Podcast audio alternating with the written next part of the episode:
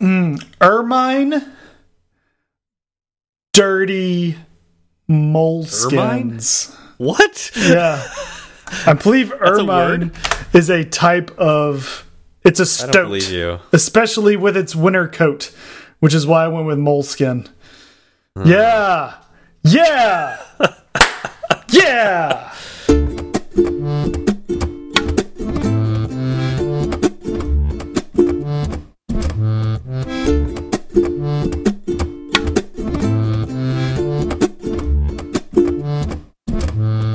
What's up, y'all? I'm Zach. And I'm Steve, and this is Fireside Swift. How's it going, Steve? It's going well. This has been uh, a really exciting, interesting week, um, but uh, there's still a lot going on in my life, and I think I think I'm gonna hold that till probably next week. Uh, we'll do some cool announcements about you know what's going on in my personal life. Um, but yeah, we'll just leave that at that. How are you doing, Zach? I'm doing well. I uh, I can't wait to hear all about it. Um, my week went about as usual as every other one of my weeks typically go. Uh, you know, did some work, hung out with the hung out with the family, had a good time. That sounds nice. Nothing. I mean, it was your average week, right? Like nothing great happened, nothing terrible happened. It was it was a good week. Okay, all right, fair enough. Uh, you know, sometimes it's nice to have weeks like that. Like, I mean, just just just general good, right? like mm -hmm. exactly it's, it's, like it's oftentimes we think um, at least i get into this this habit of you know the week isn't good unless there's something major that you do that's that's awesome you know uh, if it's a boring week that is just like oh i just I made incremental improvements in my life, and you know, had some good times with family, and that's eh, that's about it. You know, uh, shoot, I'm I'm happy when I'm at that level. Yeah, if I'm exactly. at if I'm at incremental improvements, that's a that's a big win for me. Yeah, yeah. So I, am happy for you. That's great. Um, uh, my my life has had more than incremental. Uh, recently, but we'll, again, we'll talk about that later. Um, yeah, because it's it still seems to be in influx. um, but yeah, kind of exciting times. Cool. Yeah. Well, that's that's awesome, and I again can't wait to hear about it. Yeah. And so, speaking of exciting ups and downs and exciting times, uh, you don't want that with your code. Uh, you want incremental improvements, um, and uh, but you know every so often there's that major feature you need to push, or something crazy that you do that uh, was unexpected, or even you're making incremental improvements and you just forgot something. Uh, things can go wrong in your code. Uh, and that's why you should probably use Sentry. Sentry is an open source framework that you can add to your code base that will help detect crashes and other misbehaviors that happen in, in your apps. Because, Zach, we don't write perfect code, do we? We don't write perfect code. Uh, we don't we don't do anything perfectly, right? Uh, you'll get speeding tickets. Um, you'll you'll if you're still in school, you'll fail a test, right? Like getting. But the the thing about those scenarios is you get immediate feedback, right? You know something bad happened because you were there when it happened. That's not the case when you write code. When you write code, you deploy it, and then other people use it without you around, which is frankly kind of rude. Um, and if something bad happens to them, there's no way for you to know about it unless you start seeing these one star reviews pile up, which is not fun. It, take it from me, it's not a good experience. Uh, and what Sentry does is it actually allows you to kind of get ahead of that curve, right? You'll have crashes, but you'll be able to respond to them in a much uh, quicker fashion and be able to hopefully stem some of those poor reviews uh, off. Absolutely. And Sentry is free to add to your code base, uh, and it's easy to do that as well. Uh, it has a ton of really advanced features as well. They're just pushing the limits for what you can do with crash reporting. Uh, and uh, but a lot of those features do cost money, and so uh, if you would like to create a Sentry account uh, and it's a new account, definitely use our promo code Fireside Swift. It's all one word, Fireside Swift. That'll get you hundred dollars off your first account, or sorry, your first bill. We'd like to thank Sentry again for sponsoring Fireside Swift. All right. So, do we have feedback from last week's episode this week? We do, and let's start off with uh, our good buddy Swifty McSwiftface. He said, um, "Well, we were talking back and forth about estimations, and he said that he actually had an estimate that something he was going to do was going to take him a day, and then it took him a day. And um, you know, we I kind of talked to him about it, wanted to figure out what went into that estimation. You know, it was it sounds like a very successful one, right? Like, how did it work? Well, he didn't he revise it and say it, it didn't actually officially take a day because it had to go through review and QA and all that. So yes. it really took a week, right? Exactly. Yeah, and that's that's kind of why I was curious about it. And he said, you know, it wasn't exactly an official estimation, but the theory was if I do it today, it can be QA'd tomorrow in time for the end of sprint. Mm -hmm. Uh, and then he went on to say proper estimations shouldn't consider time at all. Complexity points are a much better system, but still itself isn't a perfect solution. Yeah, and we we've spoken about complexity points when we talked about Agile and Scrum, right? We had an episode yes. on that. Yeah, I mean, you can't talk about agile without without talking about story points, which are yeah. essentially complexity points, right? Yeah.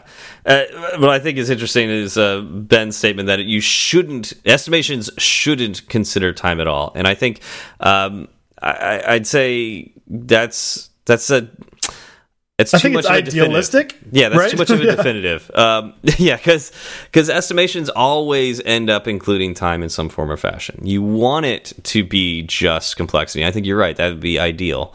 Mm -hmm. um, and but it's only ideal under certain circumstances too, right? This is if you are a salaried employee or a contracted employee with an indefinite time and you are working on a team that is agile so they don't necessarily have a date for which uh, these features are going to come out um, you're not uh, you don't have any deadlines. There's no, uh, you know, artificial deadlines or solid deadlines. Like think of all the the stuff I've had to do for live events where the event is going to happen. Like, right, you're either done or you're not. So when you make those estimations, if you say, if somebody asks you, um, okay, so we're going to have an event in two weeks, can you do this in time? And I go, well, it's it's very difficult. Uh, you know, the the complexity I would say is an eight. And they would go, okay, so can you get it done in time? Yeah, it's like it's it's gonna be it's gonna be very difficult, and I'll get it done when I get it done would I ever get the go ahead to do that project? no, no way, no, no, no. way. there, are, there are a significant like when it comes to estimation, like business, you know, business estimations have to require time, um, and so you can take complexity and you can try to estimate time from complexity. Like that's and mm -hmm. that's essentially what agile does, right? It's like how much complexity can we add to a sprint? and right you know that's because, velocity right yeah exactly with agile you have uh, you know the beauty of agile is that if it's done correctly over a large portion of time you should you know in theory become better at estimation right yeah, because you can yeah. say one sprint we can handle x number of complexity points and then all of your tickets have set complexity points so you can know you know well I can take as many tickets as my complexity points will allow based on my velocity. Yeah. And so what are you actually doing at the end of the day? You're translating complexity. You're you're estimating time from complexity. like you're you're doing exactly. a, you're doing a translation. It's it's going from they want time, so you translate it into complexity. Like they want or they mm -hmm. want features and they they want features be done in a certain amount of time and so you translate those features into complexity, and then they translate that into time. Yeah. so and that's it. All comes down to time at the end. it, it, it, does. It kind of rolls downhill. But uh, you know, I agree with Ben in that it's probably easier to estimate based on complexity than time, and so maybe this translation is something that's needed. Yeah, and I think maybe, especially if you do it over time, you're probably going to get more accurate because um, mm -hmm. you're you're practicing that kind of estimation and you're doing it in a consistent way, mm -hmm. uh, which kind of goes to what we were talking about last week. You know about the the different ways you can improve your estimation. Yeah, I agree. And, and in fact, speaking of improving estimation, Joe Cab has a wonderful plan on how to come up with a real realistic project estimation. Okay. Uh, step one Okay. Set up a Twitter survey asking people for their job estimate versus how long it really took to finish. Cool. Step two use machine learning to find a magic formula to predict how long a project should really take. Okay. Step three profit. This seems like uh, an infallible uh, uh, concept here. I, it can't go wrong, right? Cannot go wrong. No. I, I see mean, no holes in this plan. No holes Joe whatsoever. Joe Cab Um, knows. That's just how it goes. The the only problem is that he's now given this to us. Uh, so you know, and and we're we're saying it out loud. So it's like the world as a whole has this now. Um, I I don't know if if Joe's goal was to be altruistic and just give away his best idea, um, but. Uh, Oh, you you're assuming this is his best idea. Oh, this is definitely his best idea. I mean, Oh, it, it I leads know- to I don't know profit. what that- Not only I that, don't know what- profit in all caps. So, I mean, he could have been a multi-dollar-naire with this. Assuming he's not already with with ideas like these. Maybe even a thousand-aire or a hundred-aire. no, I, I like uh you know use machine learning to find the magic formula. Even your steps involved wizardry. Yeah. It has to be a magic formula. I mean, this is almost as good as doing step two, dot, dot, dot, step three. I mean, what is machine learning if not a black box? no one really understands how it's going to work. Yeah. and one of these days, uh, you know, that's maybe one of these days we'll do a topic on machine learning. Um, you know, I did my thesis on neural networking, so uh, it's only one aspect of machine learning, but uh, it, you know, it's, it is it ends up being very much a black box, and it, you know, a lot of people are working with it these days. So um, it's kind of interesting to see how the world is is shifting to that. Um, but there are inherent problems with it. So yeah, it is magic. I um I was going to say I'll let you write those show notes, but we should actually just get some machine learning to write the show notes, right? That's a like have a great bot idea. write write our show notes. Yeah, did you hear about that one? Uh, there was a, I, I was on Twitter. I saw this, but there is a a machine learning uh, model that uh, was. They were worried it would be too dangerous because um, if you gave it a headline, it could write the news article for you. Did you see this? Okay. No, I didn't. Oh yeah, you should check it out. Maybe we'll talk about it later. It's it's pretty great. Um, anyways, uh, moving on. Uh, so at Blackburn underscore Dev uh, mentioned, is it bad if I ultimately decided on uh, hashtag Android Dev but still listen to Fireside Swift regularly?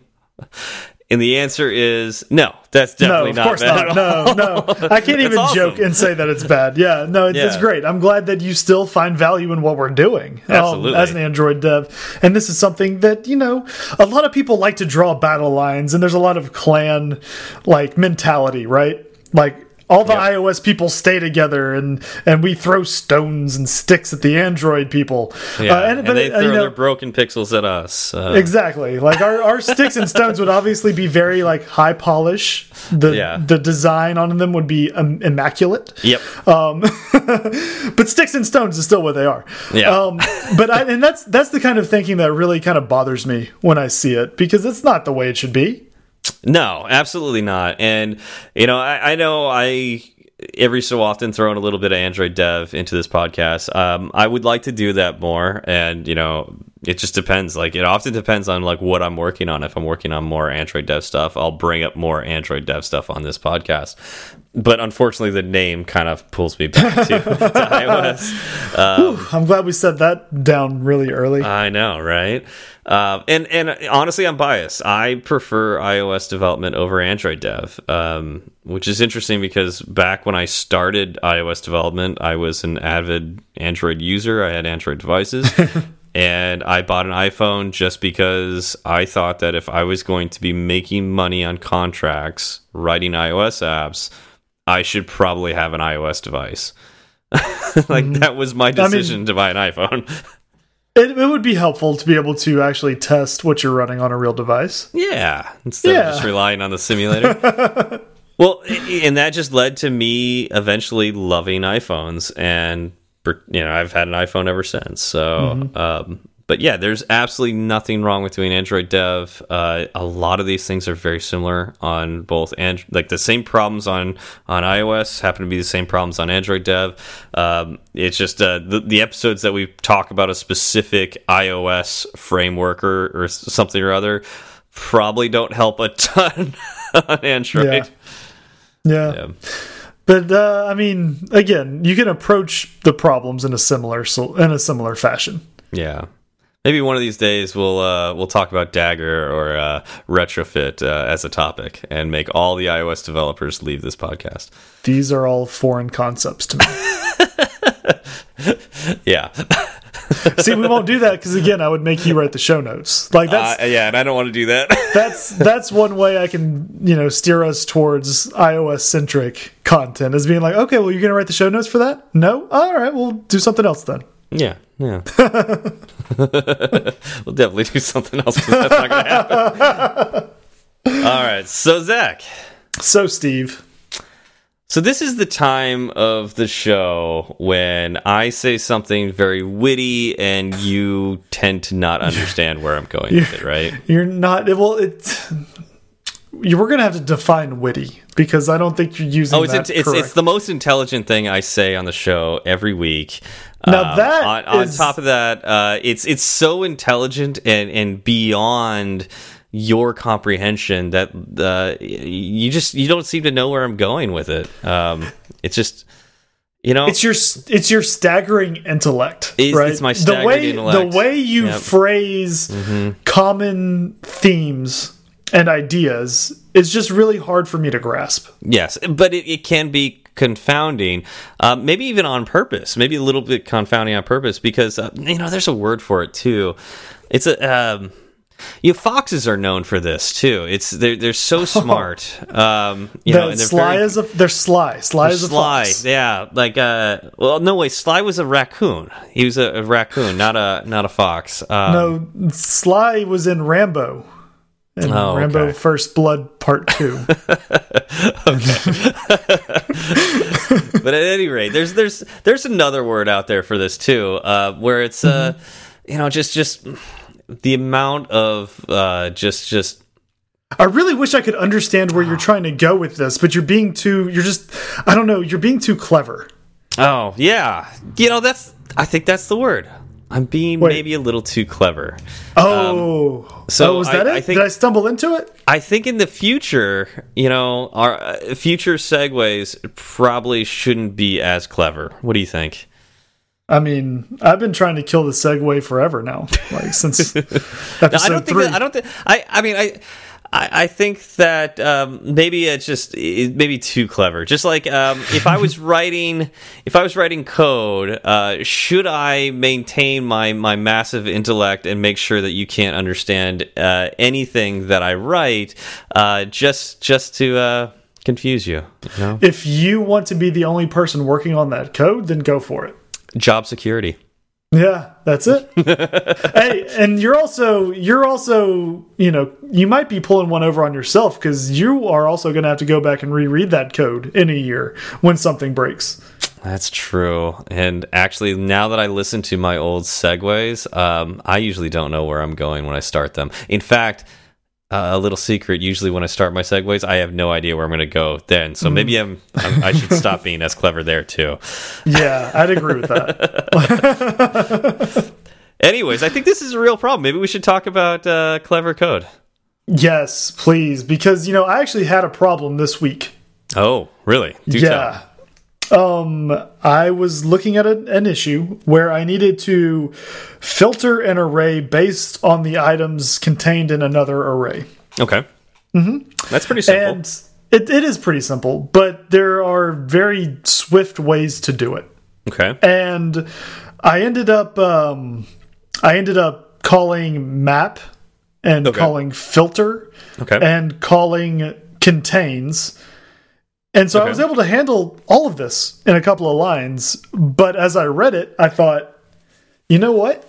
I'm not sure if someone, if I put this code in front of somebody hmm. and I had them read it, they would be able to uh, understand easily what I was going for. -hmm. And, you know, if I can get all of this work done in two lines. What if, and it's confusing, what if I just make it four lines and I can have other people understand it better? I think that would be better.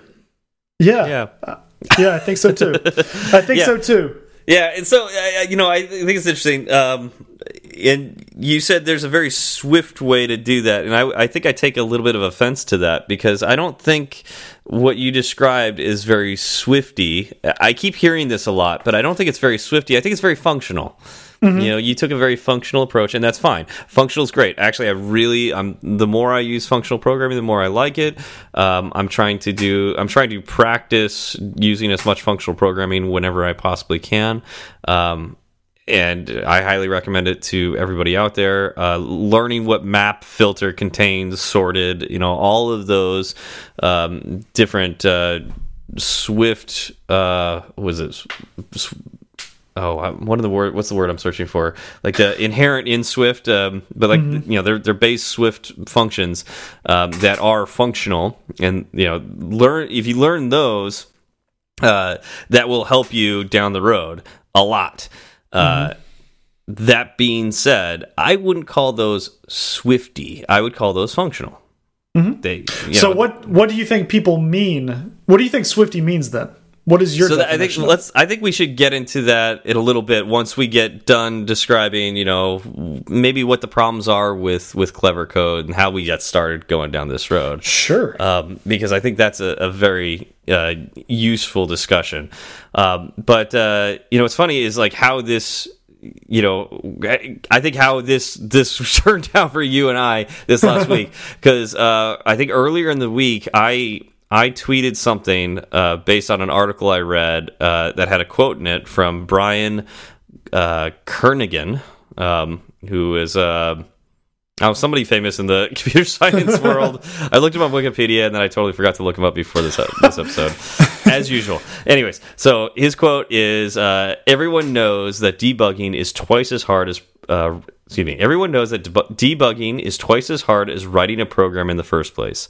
So, if you're as clever as you can be when you write it, how will you ever debug it?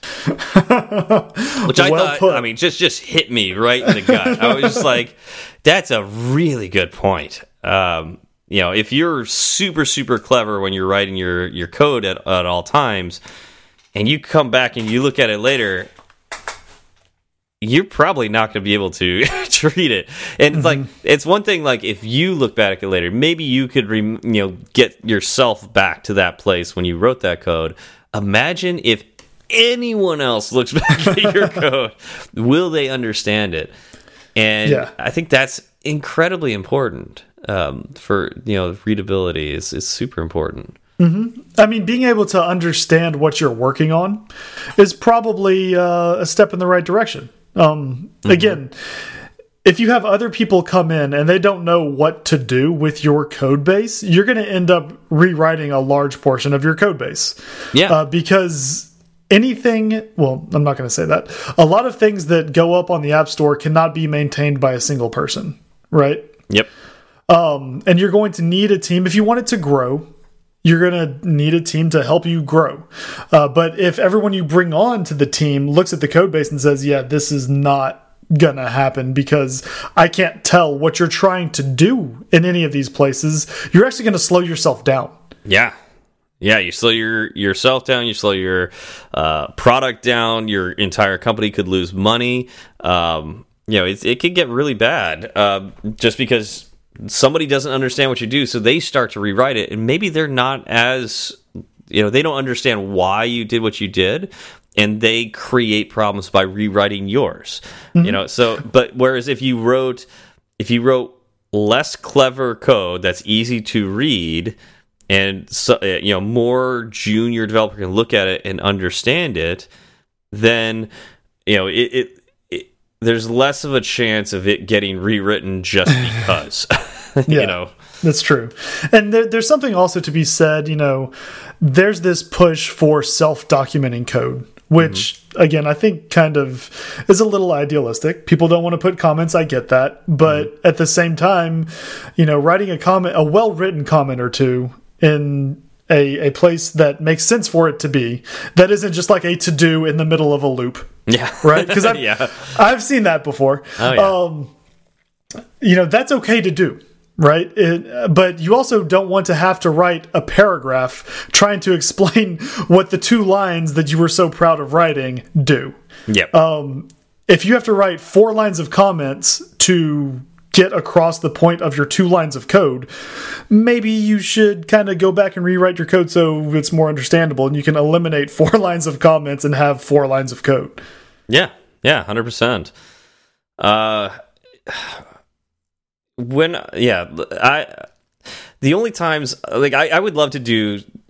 I'd love to say I like to do self-documenting code, um, and I think in general, when I write code, that's that's my main focus. I want to make it easy enough to read with my variable names, my function names, that I don't need to put comments. That being said, there are certain times when there's something that I do that is weird. You know, maybe I'm trying to get around a certain bug or that I couldn't figure out, and I had to put something in a different place that breaks a normal pattern that I, I typically follow. and so, with those kind of things, I will definitely put put comments around them. Um, I don't ever want to put a comment around a line of code that I'm like, I'm just really proud of this, but this is what it actually does. You know, Yeah. I don't want to do that. Like, I want to say, like, all right, like you could read this, no problem. You could follow through this, or like the function name itself describes what it's doing. You know, Right. Right. And have you ever been in a situation where you come across some code you need to work on?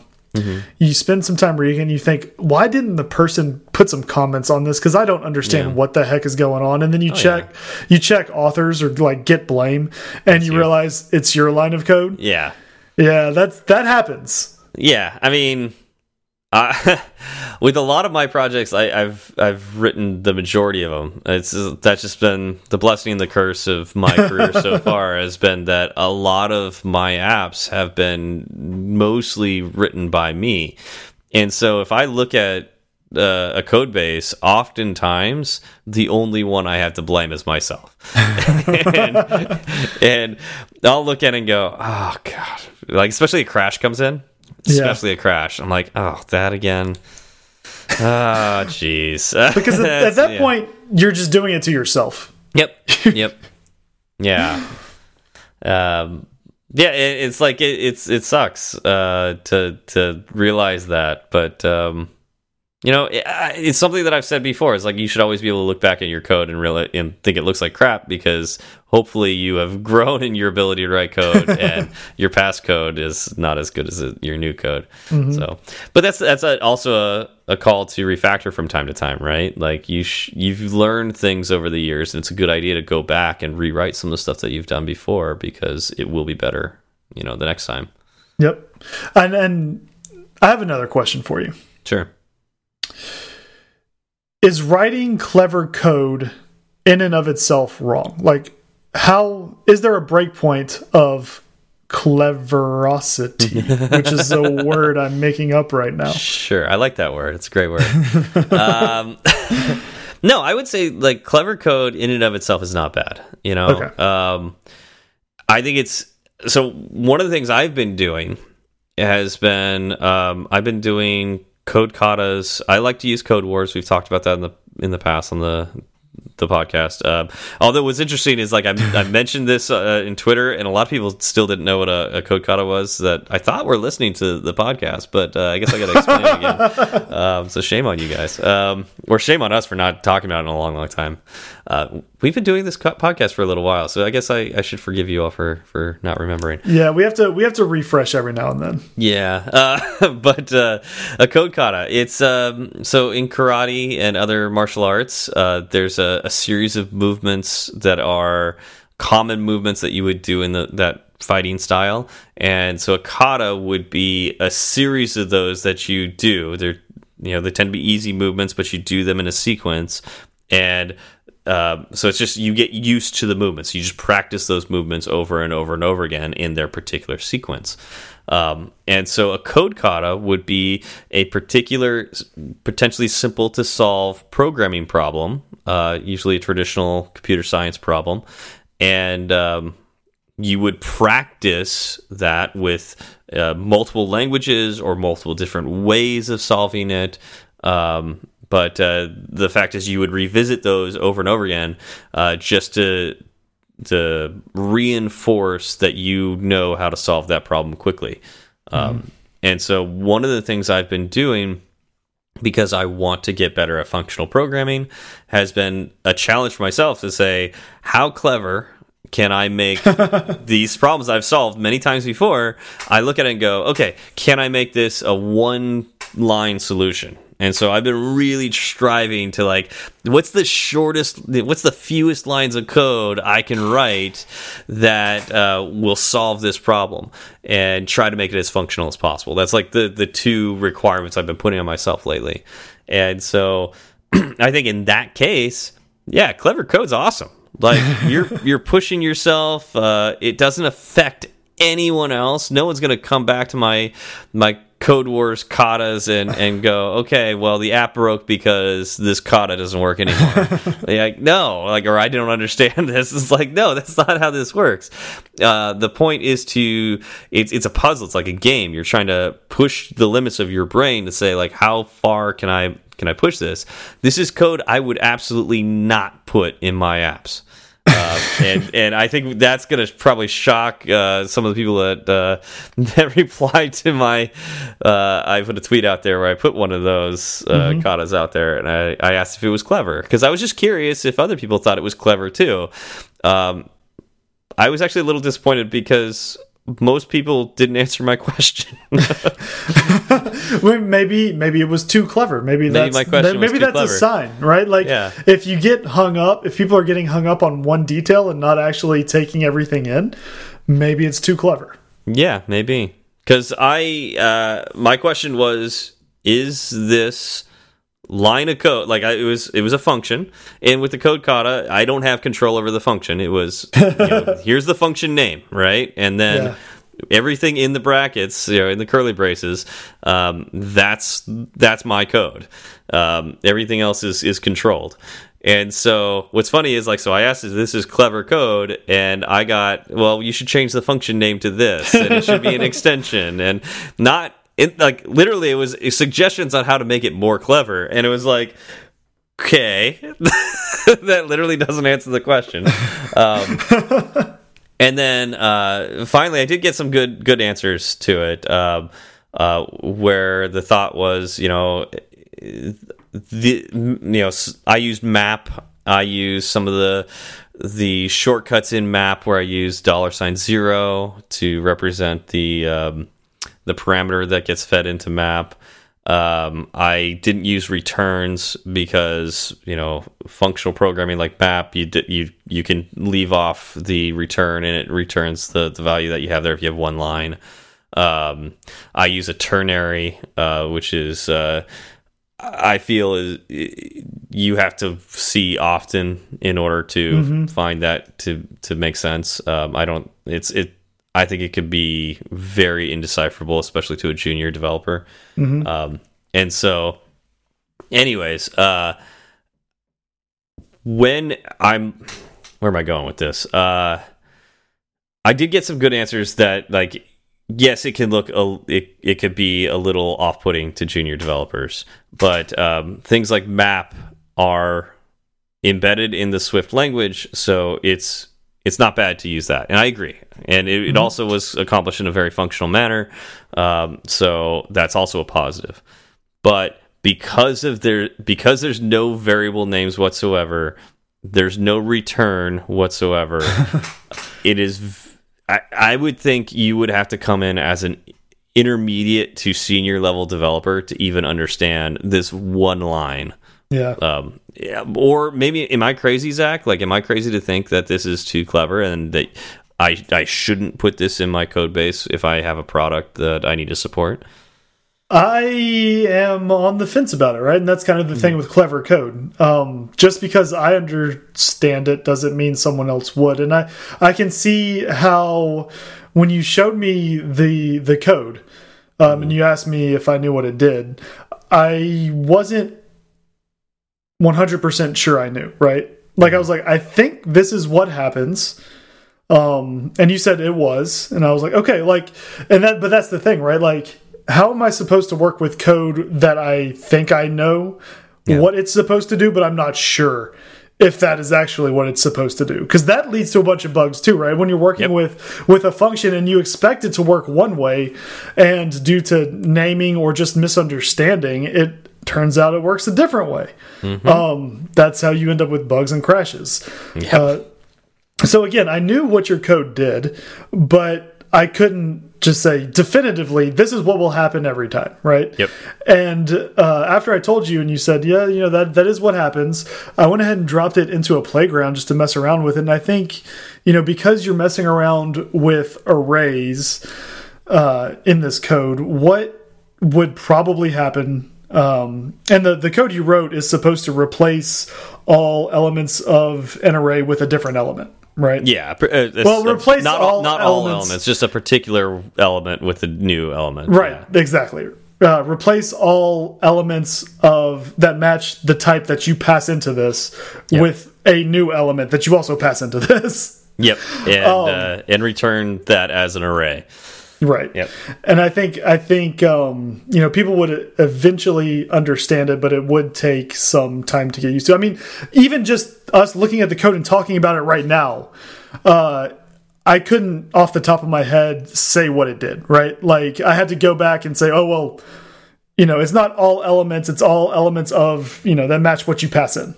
Yep.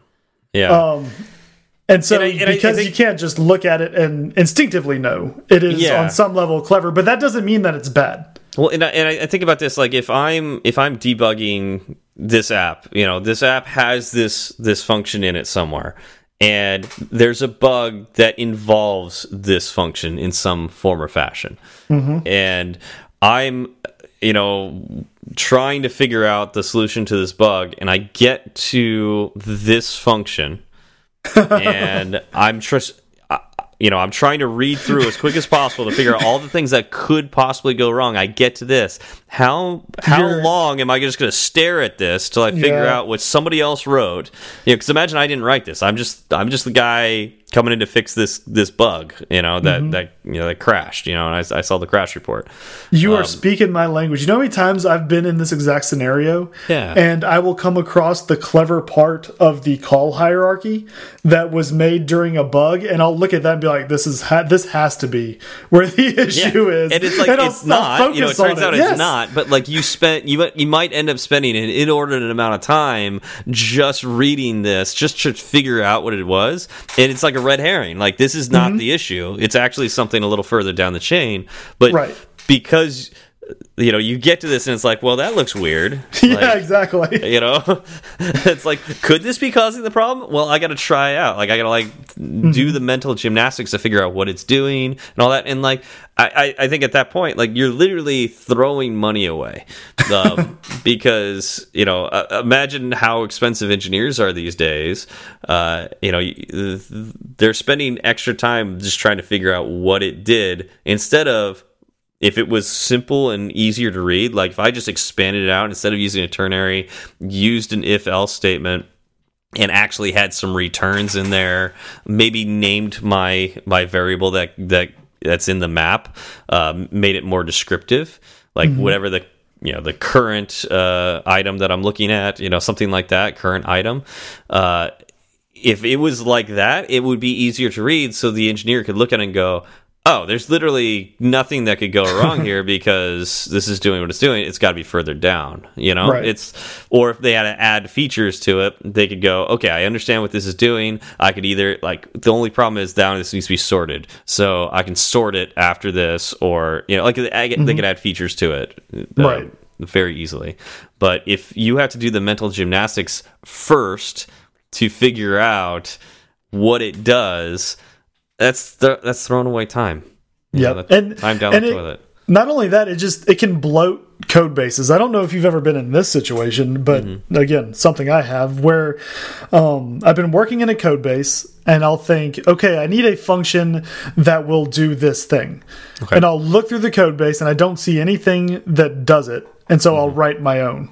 Mm -hmm. And it turns out that there was a function that existed, but because I didn't completely understand what was happening in the middle of it, I rewrote it as this new function. Yeah. And so now I'll, I'll, end up with two functions that do the exact same thing, which again, someone else coming in gets really confused by if, if it's not caught, right? Because oh, they're yeah. like, why why do we have two of these functions? Aren't they well, doing which one should I use? And then that's that's typically when uh, those kind of mistakes are found out, right?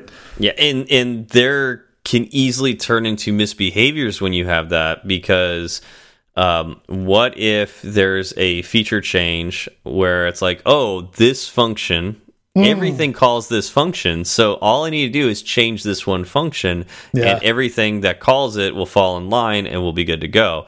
Turns out, nope, you didn't understand that one function, so you wrote your own over here, and this one little piece that this other function, this other feature implements it here, and so now everything works except the one thing that calls your special function. I mean, now we get side effects and all things yeah. go wrong.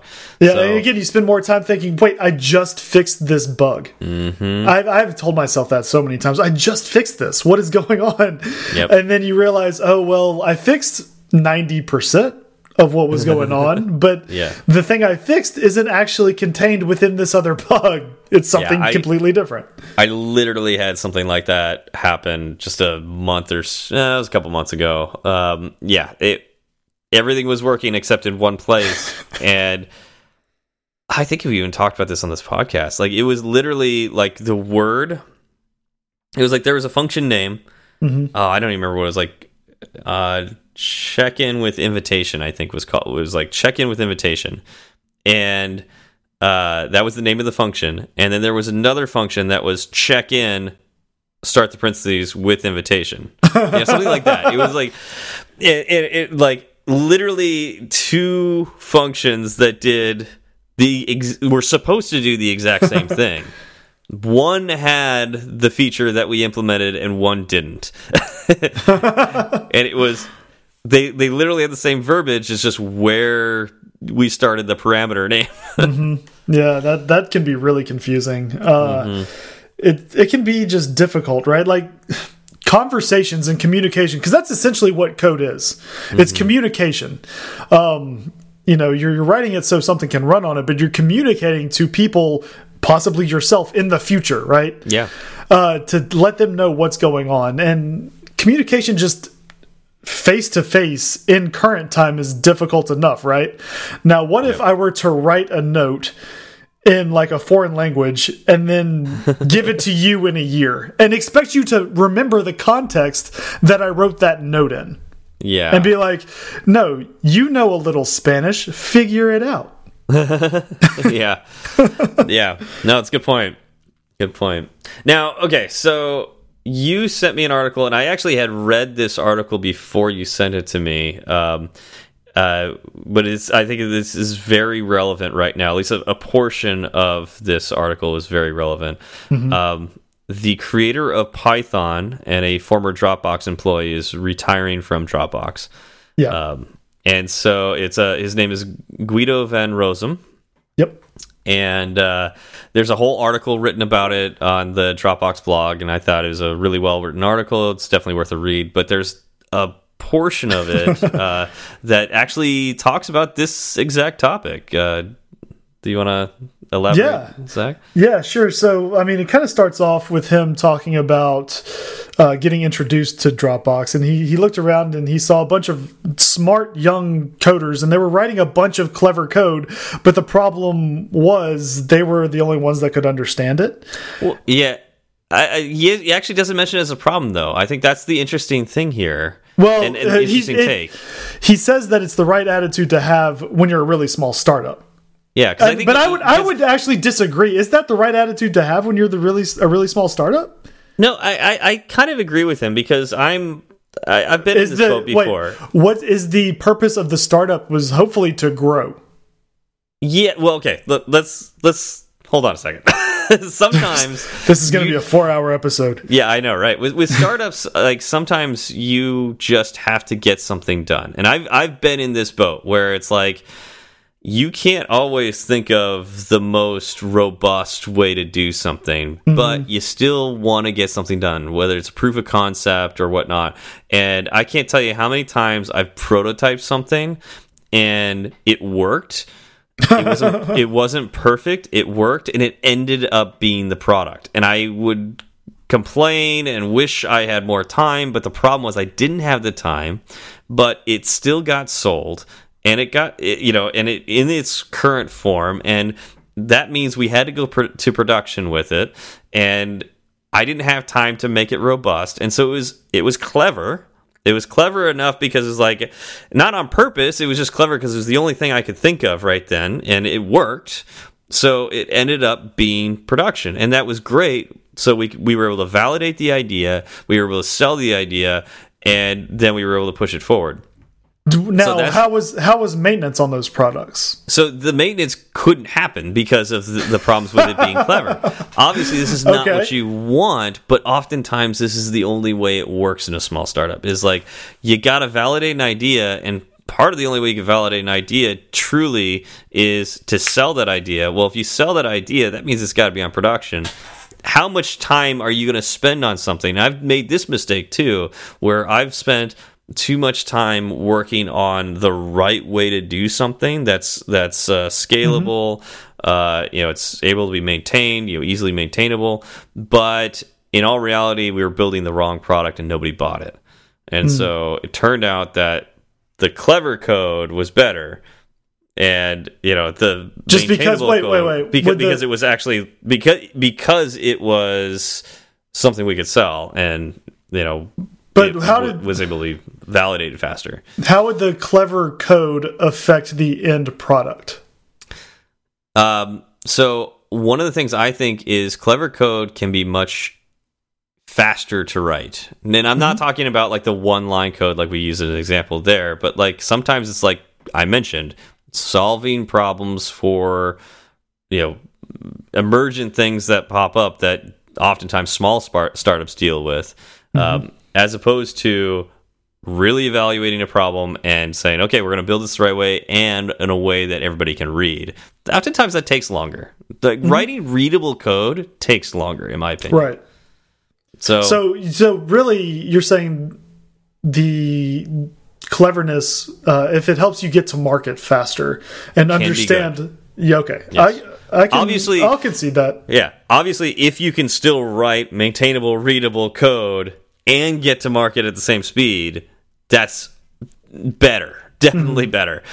But you know, I think it's it's fine to have you know when you and I, I agree with Guido in this that when you are uh, a startup, sometimes you know it's just best to let your engineers you know run wild.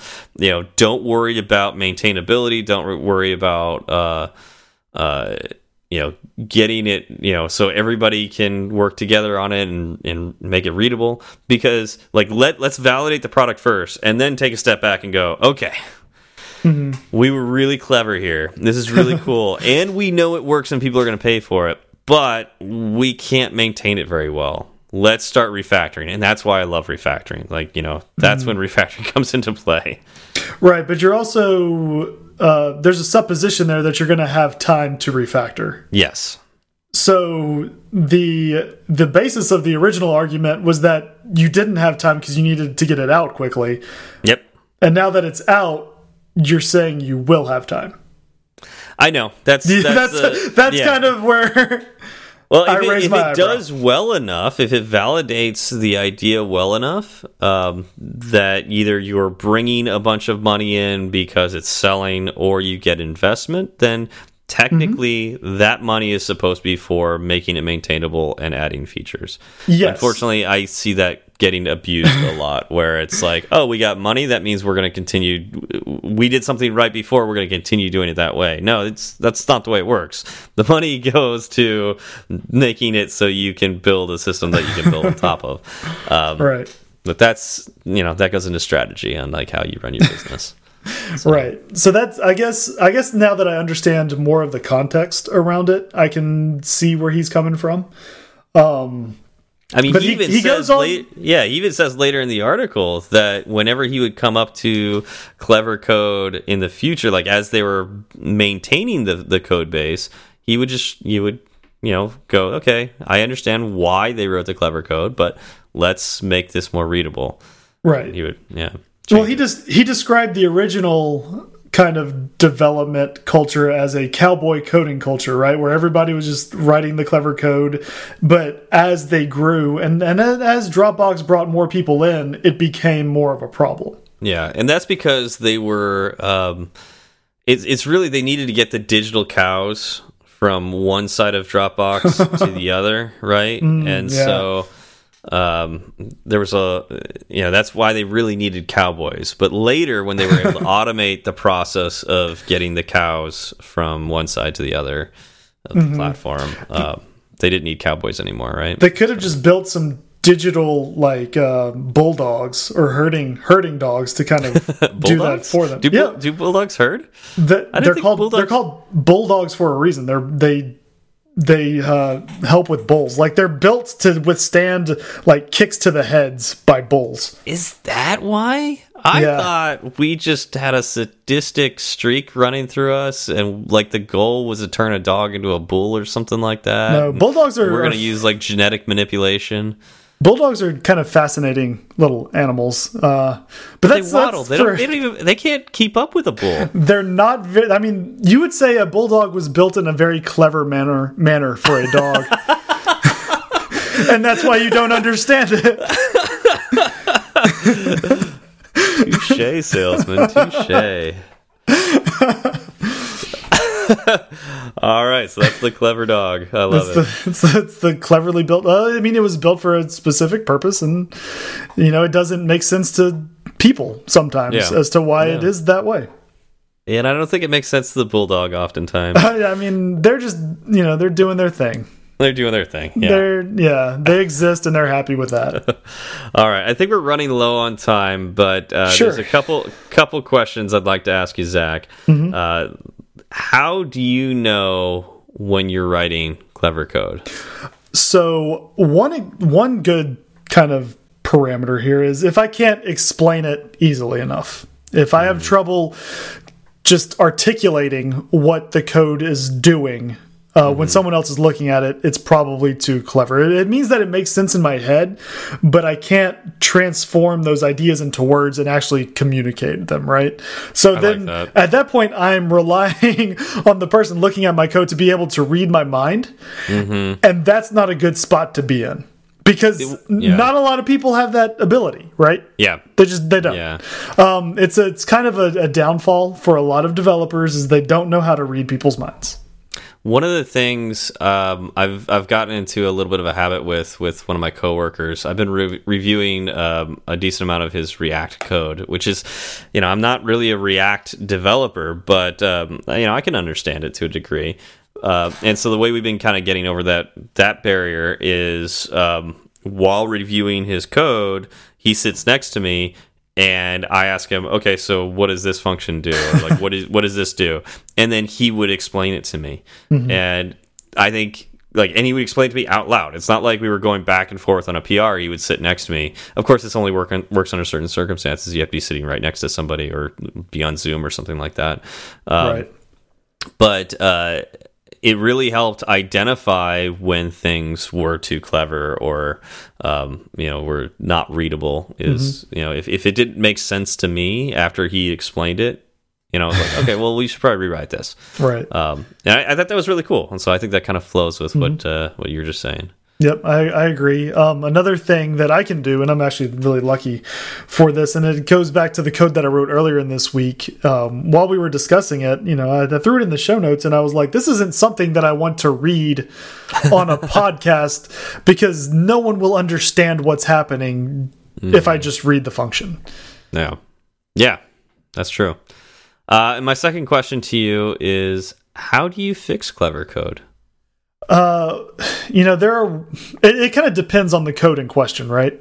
Um, the code I wrote earlier the, in the week, I was able to break down into more understandable chunks, right? Instead of saying I'm going to fix this all in two lines, and have no one understand it. It became a thing where, uh, you know, each step was taking taken care of kind of individually on its own line, Mm-hmm. um, and I took six lines, right? But going back to it now, I understand what's happening. And when I submitted it for a PR, my coworker could take a look at it and say, "I know what's happening here," and approve the PR.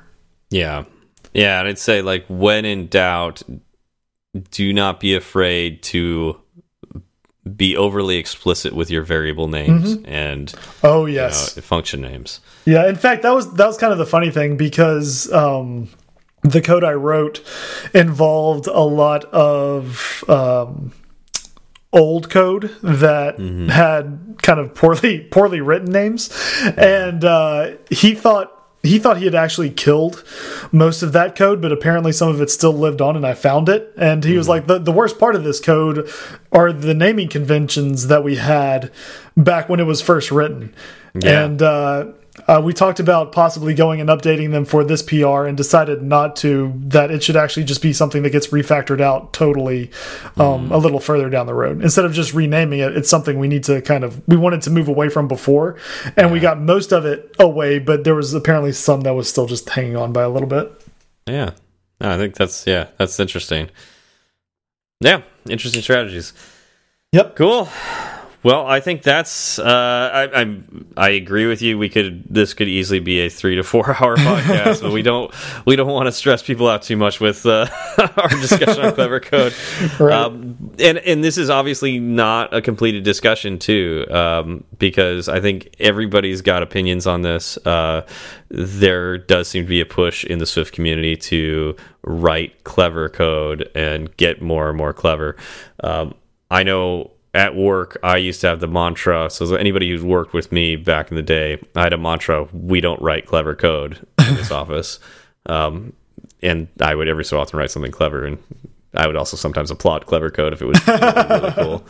Um, but anyways, um, you know, let's let's talk about it. Um, you know, on Twitter, it'd be great to do some follow up with this. Uh, let us know. You know, Yeah.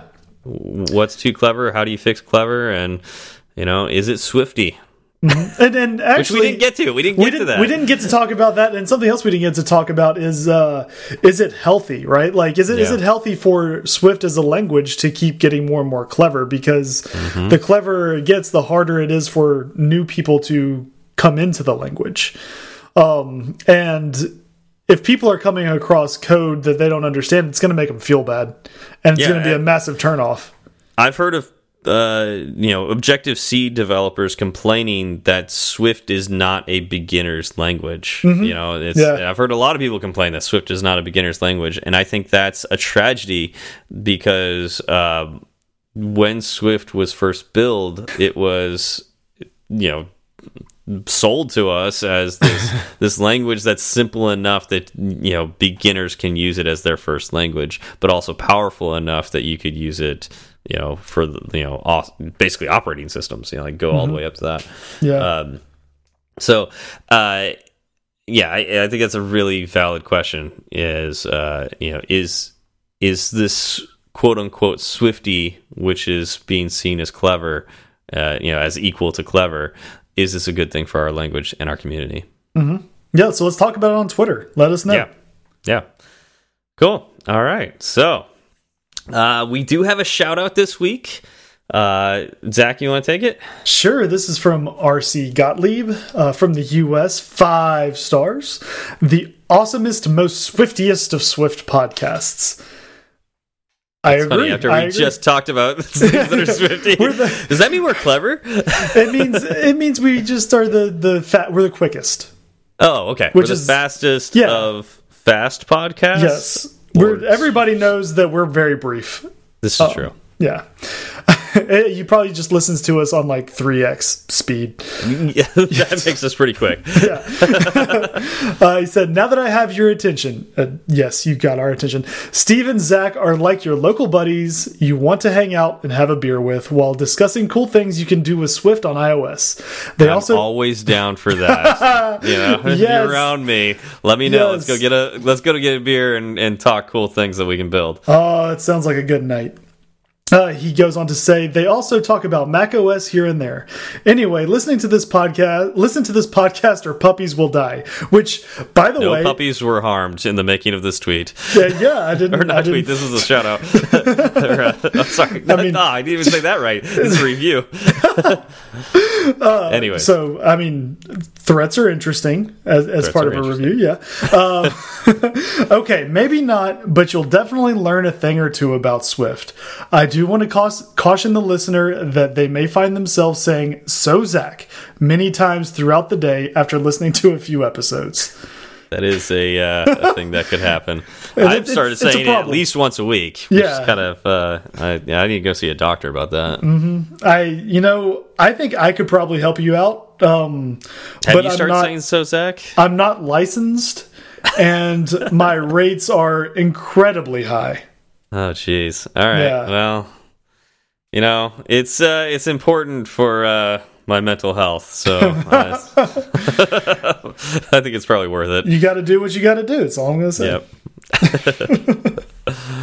uh, thanks, uh, RC. I assume RC is your first name, like Uh, radio if- controlled.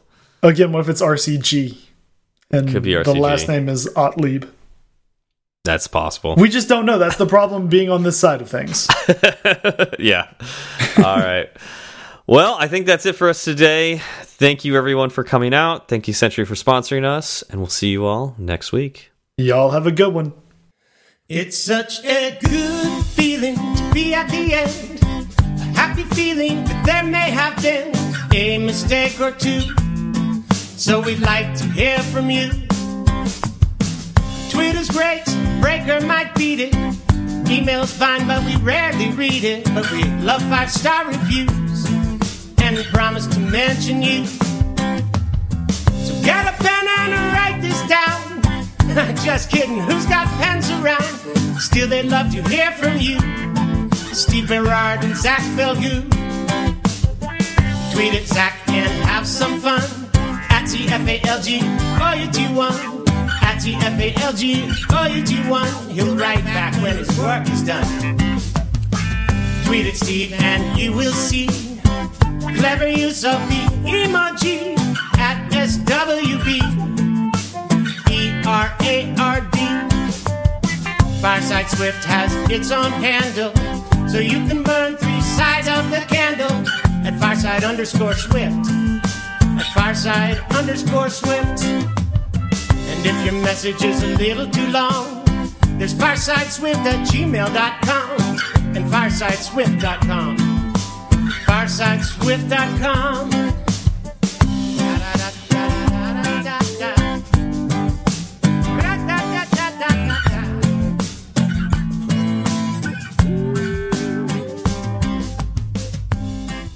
So, music podcasts are a thing. Music, po like podcasts that discuss music. Is that what you're No. talking about? No, no, no, no. Like, like this. Okay, so this was. I was in the exact same boat as you. Um, I'm trying to think how long ago now. Probably a year. No, it's got to be more than a year. Because yeah, Raghav introduced me to. He started by introducing me to Club Life, which is Tiesto's podcast. So Okay. Uh, what is a Tiesto?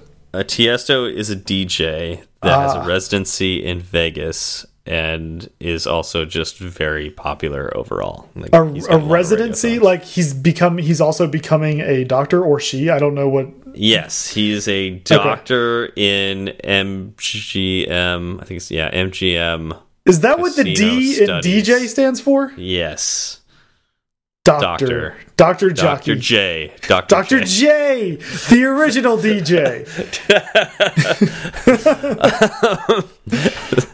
I you know I did not know that about him. Yeah. What that he was a doctor or that he has a residency in Vegas? I was talking about Dr. J. I didn't know Oh, that Dr. Dr. J. J actually um, you know played played music. There you go. Mhm. Learn something It's- new every day. Is he is he like the root from which all other DJs sprung from? Yeah, actually, uh, just like Dracula, you know, uh, that uh, it's kind of like a bite, uh, but uh, some I, I I, it's there's a mystery of the vampire DJ ways, but um, yeah, once you get bitten by the DJ bug, uh, that's when you go by um, a mixing board, and you know you're screwed after that. And Uh, but yeah, it all started from the one. is this like uh how how does one you you don't know And then you how sleep you get during infected. the day. You're only up at night. You play EDM It makes music. sense. It makes sense, right? Yeah, they're all vampires. You, don't eat a lot of garlic. yep, Everybody No, knows yeah. DJs hate garlic. yep, yep. Hate garlic, uh, Yeah. and they don't have reflections. It's kind of Mm. funny. Yeah, no, no reflections. I'm gonna have to take a mirror to my next uh, to Burning Man, and So this uh, is an interesting thing. Like if you have a friend that is a DJ, if you don't invite them into your house, they can't come in your door. Like they can't come in. wow. Uh, that Yeah. that has to be awkward, right? Like, Yeah. If if you if they want to come over and like play some of their music, they have all their gear, and you open the door and you walk in, and you don't explicitly invite them in, and they're just They standing there. Yeah, they would just stand there. Uh, that's gotta lead to some awkward conversations. Oh, it does. Yeah, yeah. Yeah. But uh, yeah, if you want to keep a DJ out of your house, just don't invite him over. What if they? But then you could also end up in the situation where they just set up on your front lawn. Oh yeah, they can. And- uh, yeah, Then that's a that's a whole But- different level but- of, of mayhem. I mean that just means they can only be out there at night though, which of course is annoying. Yeah, because you probably Right. wanted to sleep. But um, yeah, at the very least, they'll be gone in the morning. So you can count on that. You can count on that. Okay. Uh, where were we? Wait, during the day is that No. when they produce these music podcasts? Uh, no, I think it gets produced at night, uh, just like everything a DJ does.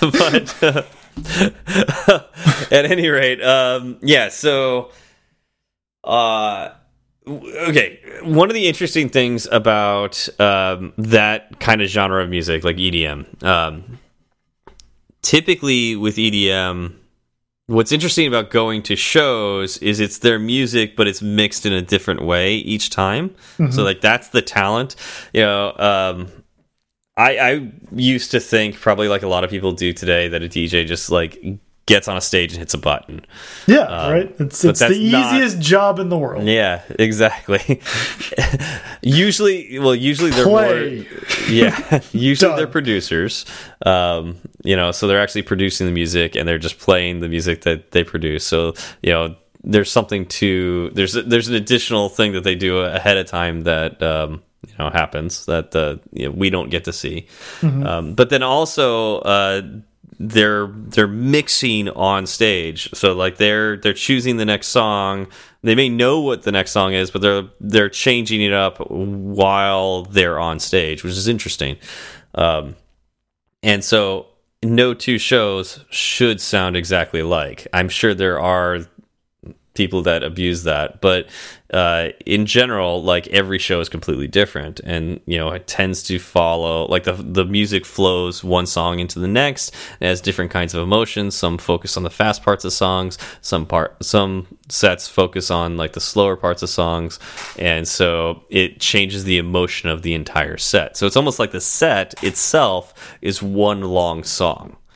Okay. And now So with a with a uh with EDM because I'm uh-huh. not I'm not really familiar with. And I that guess- genre. yeah you know what edm stands for right like elec electronic dance music Yes. Yes, I knew that which is why I did not say EDM music. Yeah, which I did. I already- I said that. I yeah, I like to say ATM machine as well. So Your pin number is a good one. pin number. Yep. Yep. Um, the the music that is okay i guess i should say because i'm not familiar with it uh, Mm-hmm. when i think about it i think loud beats and kind of up tempo now this is me Always. then see this is me just not understanding and not knowing and fully Mm-hmm. understanding that i don't know um, so do you want to kind of explain to me what a what uh, edm really means I definitely don't want to because I am like the worst.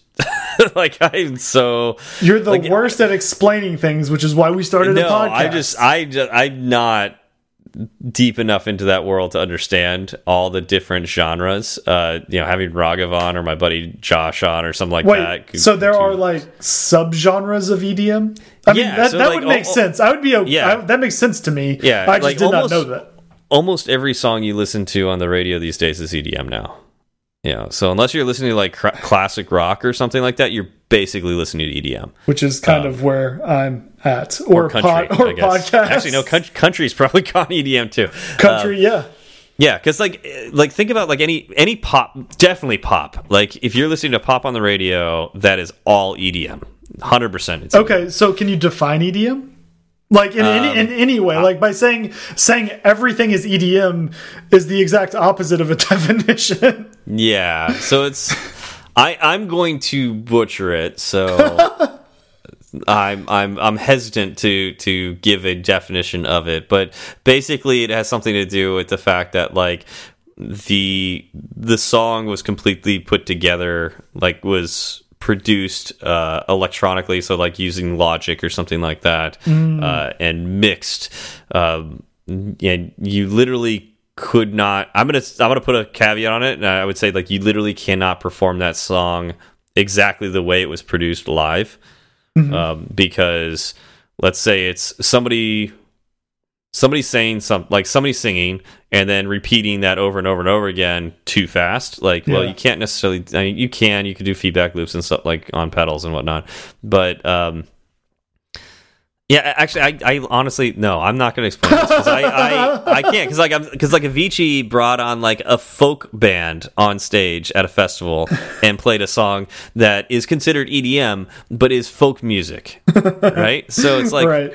but it's it has to do I, I know the genre itself and it, it's just like okay so like give a definition for country music like I would say it's music that primarily deals uh, with stringed instruments. Um, unless it unless it doesn't unless well, it doesn't. I mean, but that's where the, kind of the primary. It's it's fiddle, guitar, Yeah. banjo, um, and obviously Drums. you do Drums have are string- you do have drums, yeah. But all country western drums are strings. Uh, it's a little known fact.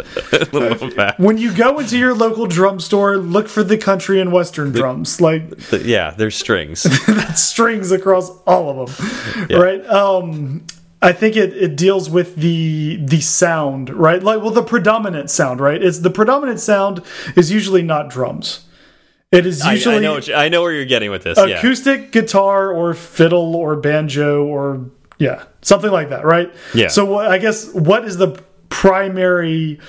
Uh, what's the for- primary instrument? driver Uh, like but if, yeah, if I were to got- listen, if I were to hear a song what would I think would make me think that that's EDM yes, um I would think that the dance part of that is the the key is so you that hear does people it have a, dancing. Does it have a consistent beat you know does Oh, it have okay. a very very consistent beat uh i think there's something about like 120 beats per minute to 180 beats per minute like Mm-hmm. that's um that tends to be like because country i know has a tends to have a lower beats per minute than that Mm-hmm. um so i think edm tends to have a faster beat um and i know it's usually pretty consistent in edm uh, tends to um, have more lower frequencies than higher, but uh, that also is not always the case. Well, I mean, we we should also say that there you can't have absolutes with any sort of music, right? Mm-hmm. Like you can't say that it's it, that it, you know a country music song will always have this in it because it Yeah. won't. Yeah, they, they yeah. all won't. So like uh, knowing knowing that that caveat exists.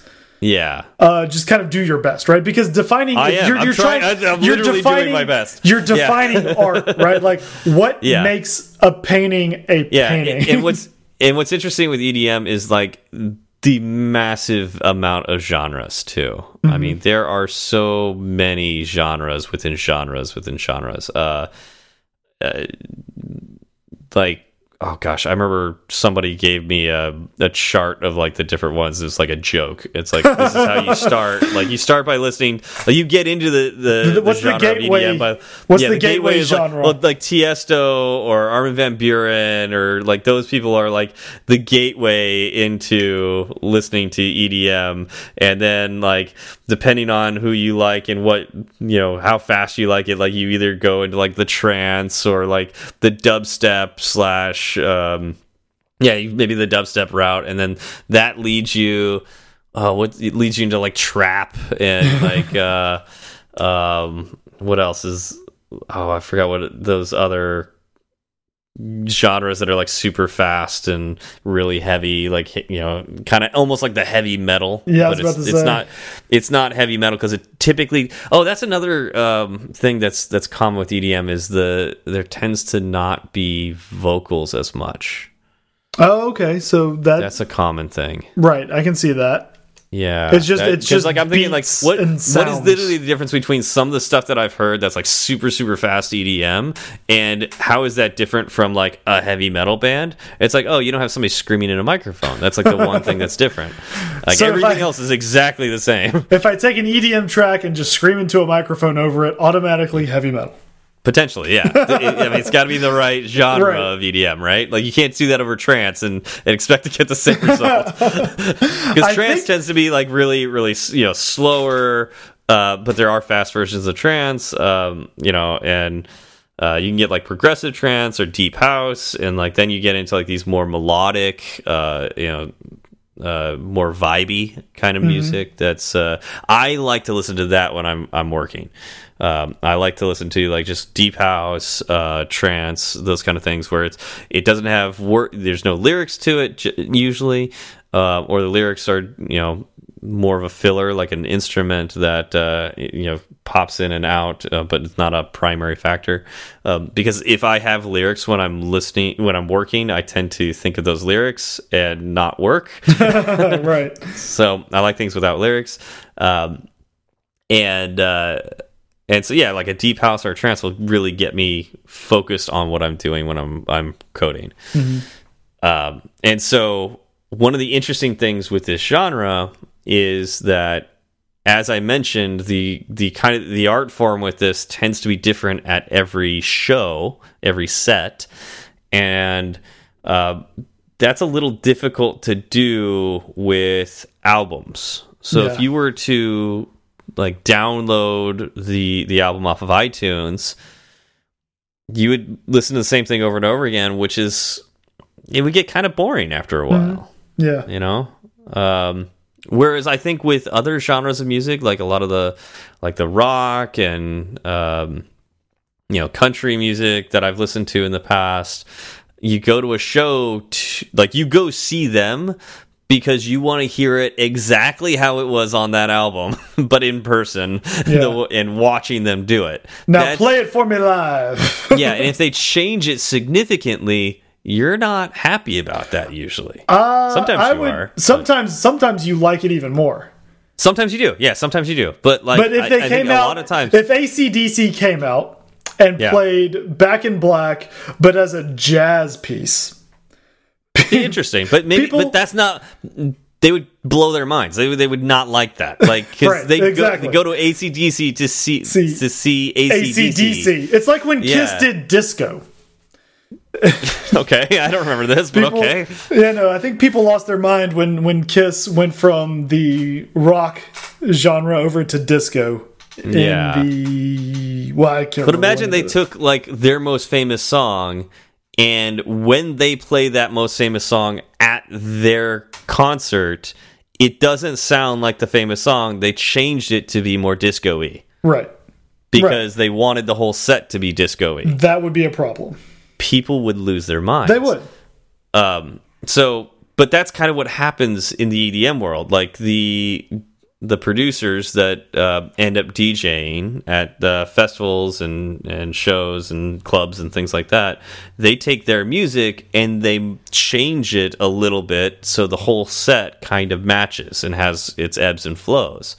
Um, and so what's what's neat about this is I like to uh, I actually listen to several music podcasts um, for artists that tend to have the same kind of like deep house, uh, vibey stuff that I like, you know, trance and, and whatnot.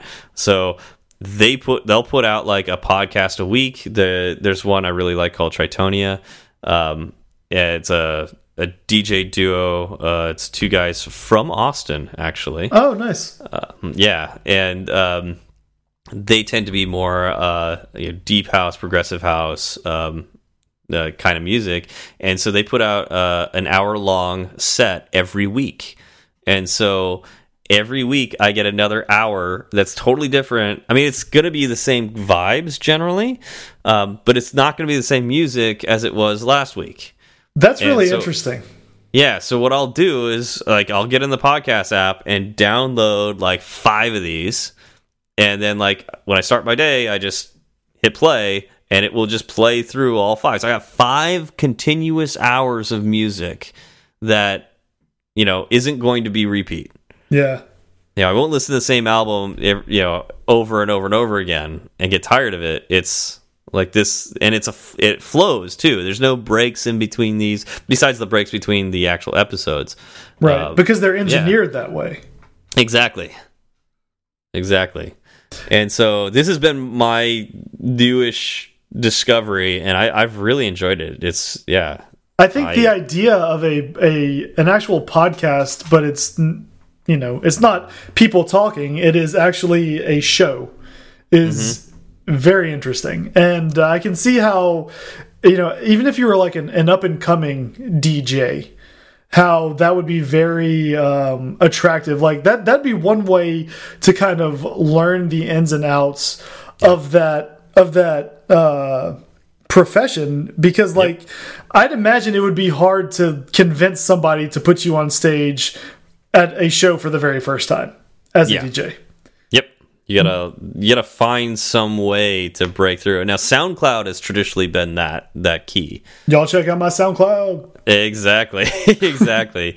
um, but yeah, I think podcasts are actually it's starting to pick up. Uh, you know, an old uh, an old producer that uh, I used to listen to in high school. I did not know he still made music. Um, uh, actually has a podcast. I don't know if you ever heard of Paul Oakenfold. I um, have. Yeah, Paul Oakenfold actually has a really good trance podcast, and so uh, I've been listening to that, yeah, too. The question so is, I, why do I know that? Maybe you have said that before. Possibly, because that's the uh, that's the only way I can think I would I would know that. Did you ever watch the movie Swordfish? Yes. He did like the whole soundtrack for Swordfish. That was one of the worst movies I've ever seen in my life. The movie was terrible. The music was fantastic. Hated that movie. In fact, I went on a date with my now wife to go see it back when it came out, and we still yeah. talk about how terrible it is. Like, yeah, in the pantheon of bad movies, that is like the worst. I mean, it was clever. Um, uh, maybe that was the problem. It was too clever. Um, but yeah, it, I, it's one of those movies that kind of leaves a bad taste in your mouth, yeah. and it also has like, I mean, when it comes to like coding and whatnot, like it's it's more than ridiculous. Yeah. Um, yeah. So from like a you know computer science point of view, it's, it's, it's hilarious. This makes no sense at all. yeah. But the music was fantastic in that movie. I liked it. Well, at least it had some some redeeming quality for you. Yeah. Yeah. Anyways, yeah. So there you go. Cool. well, I, to the, the world of music podcasts. I'm happy that I know a little bit more about it now. Mm -hmm. Ding. That's for that's for Mr. McSwift face.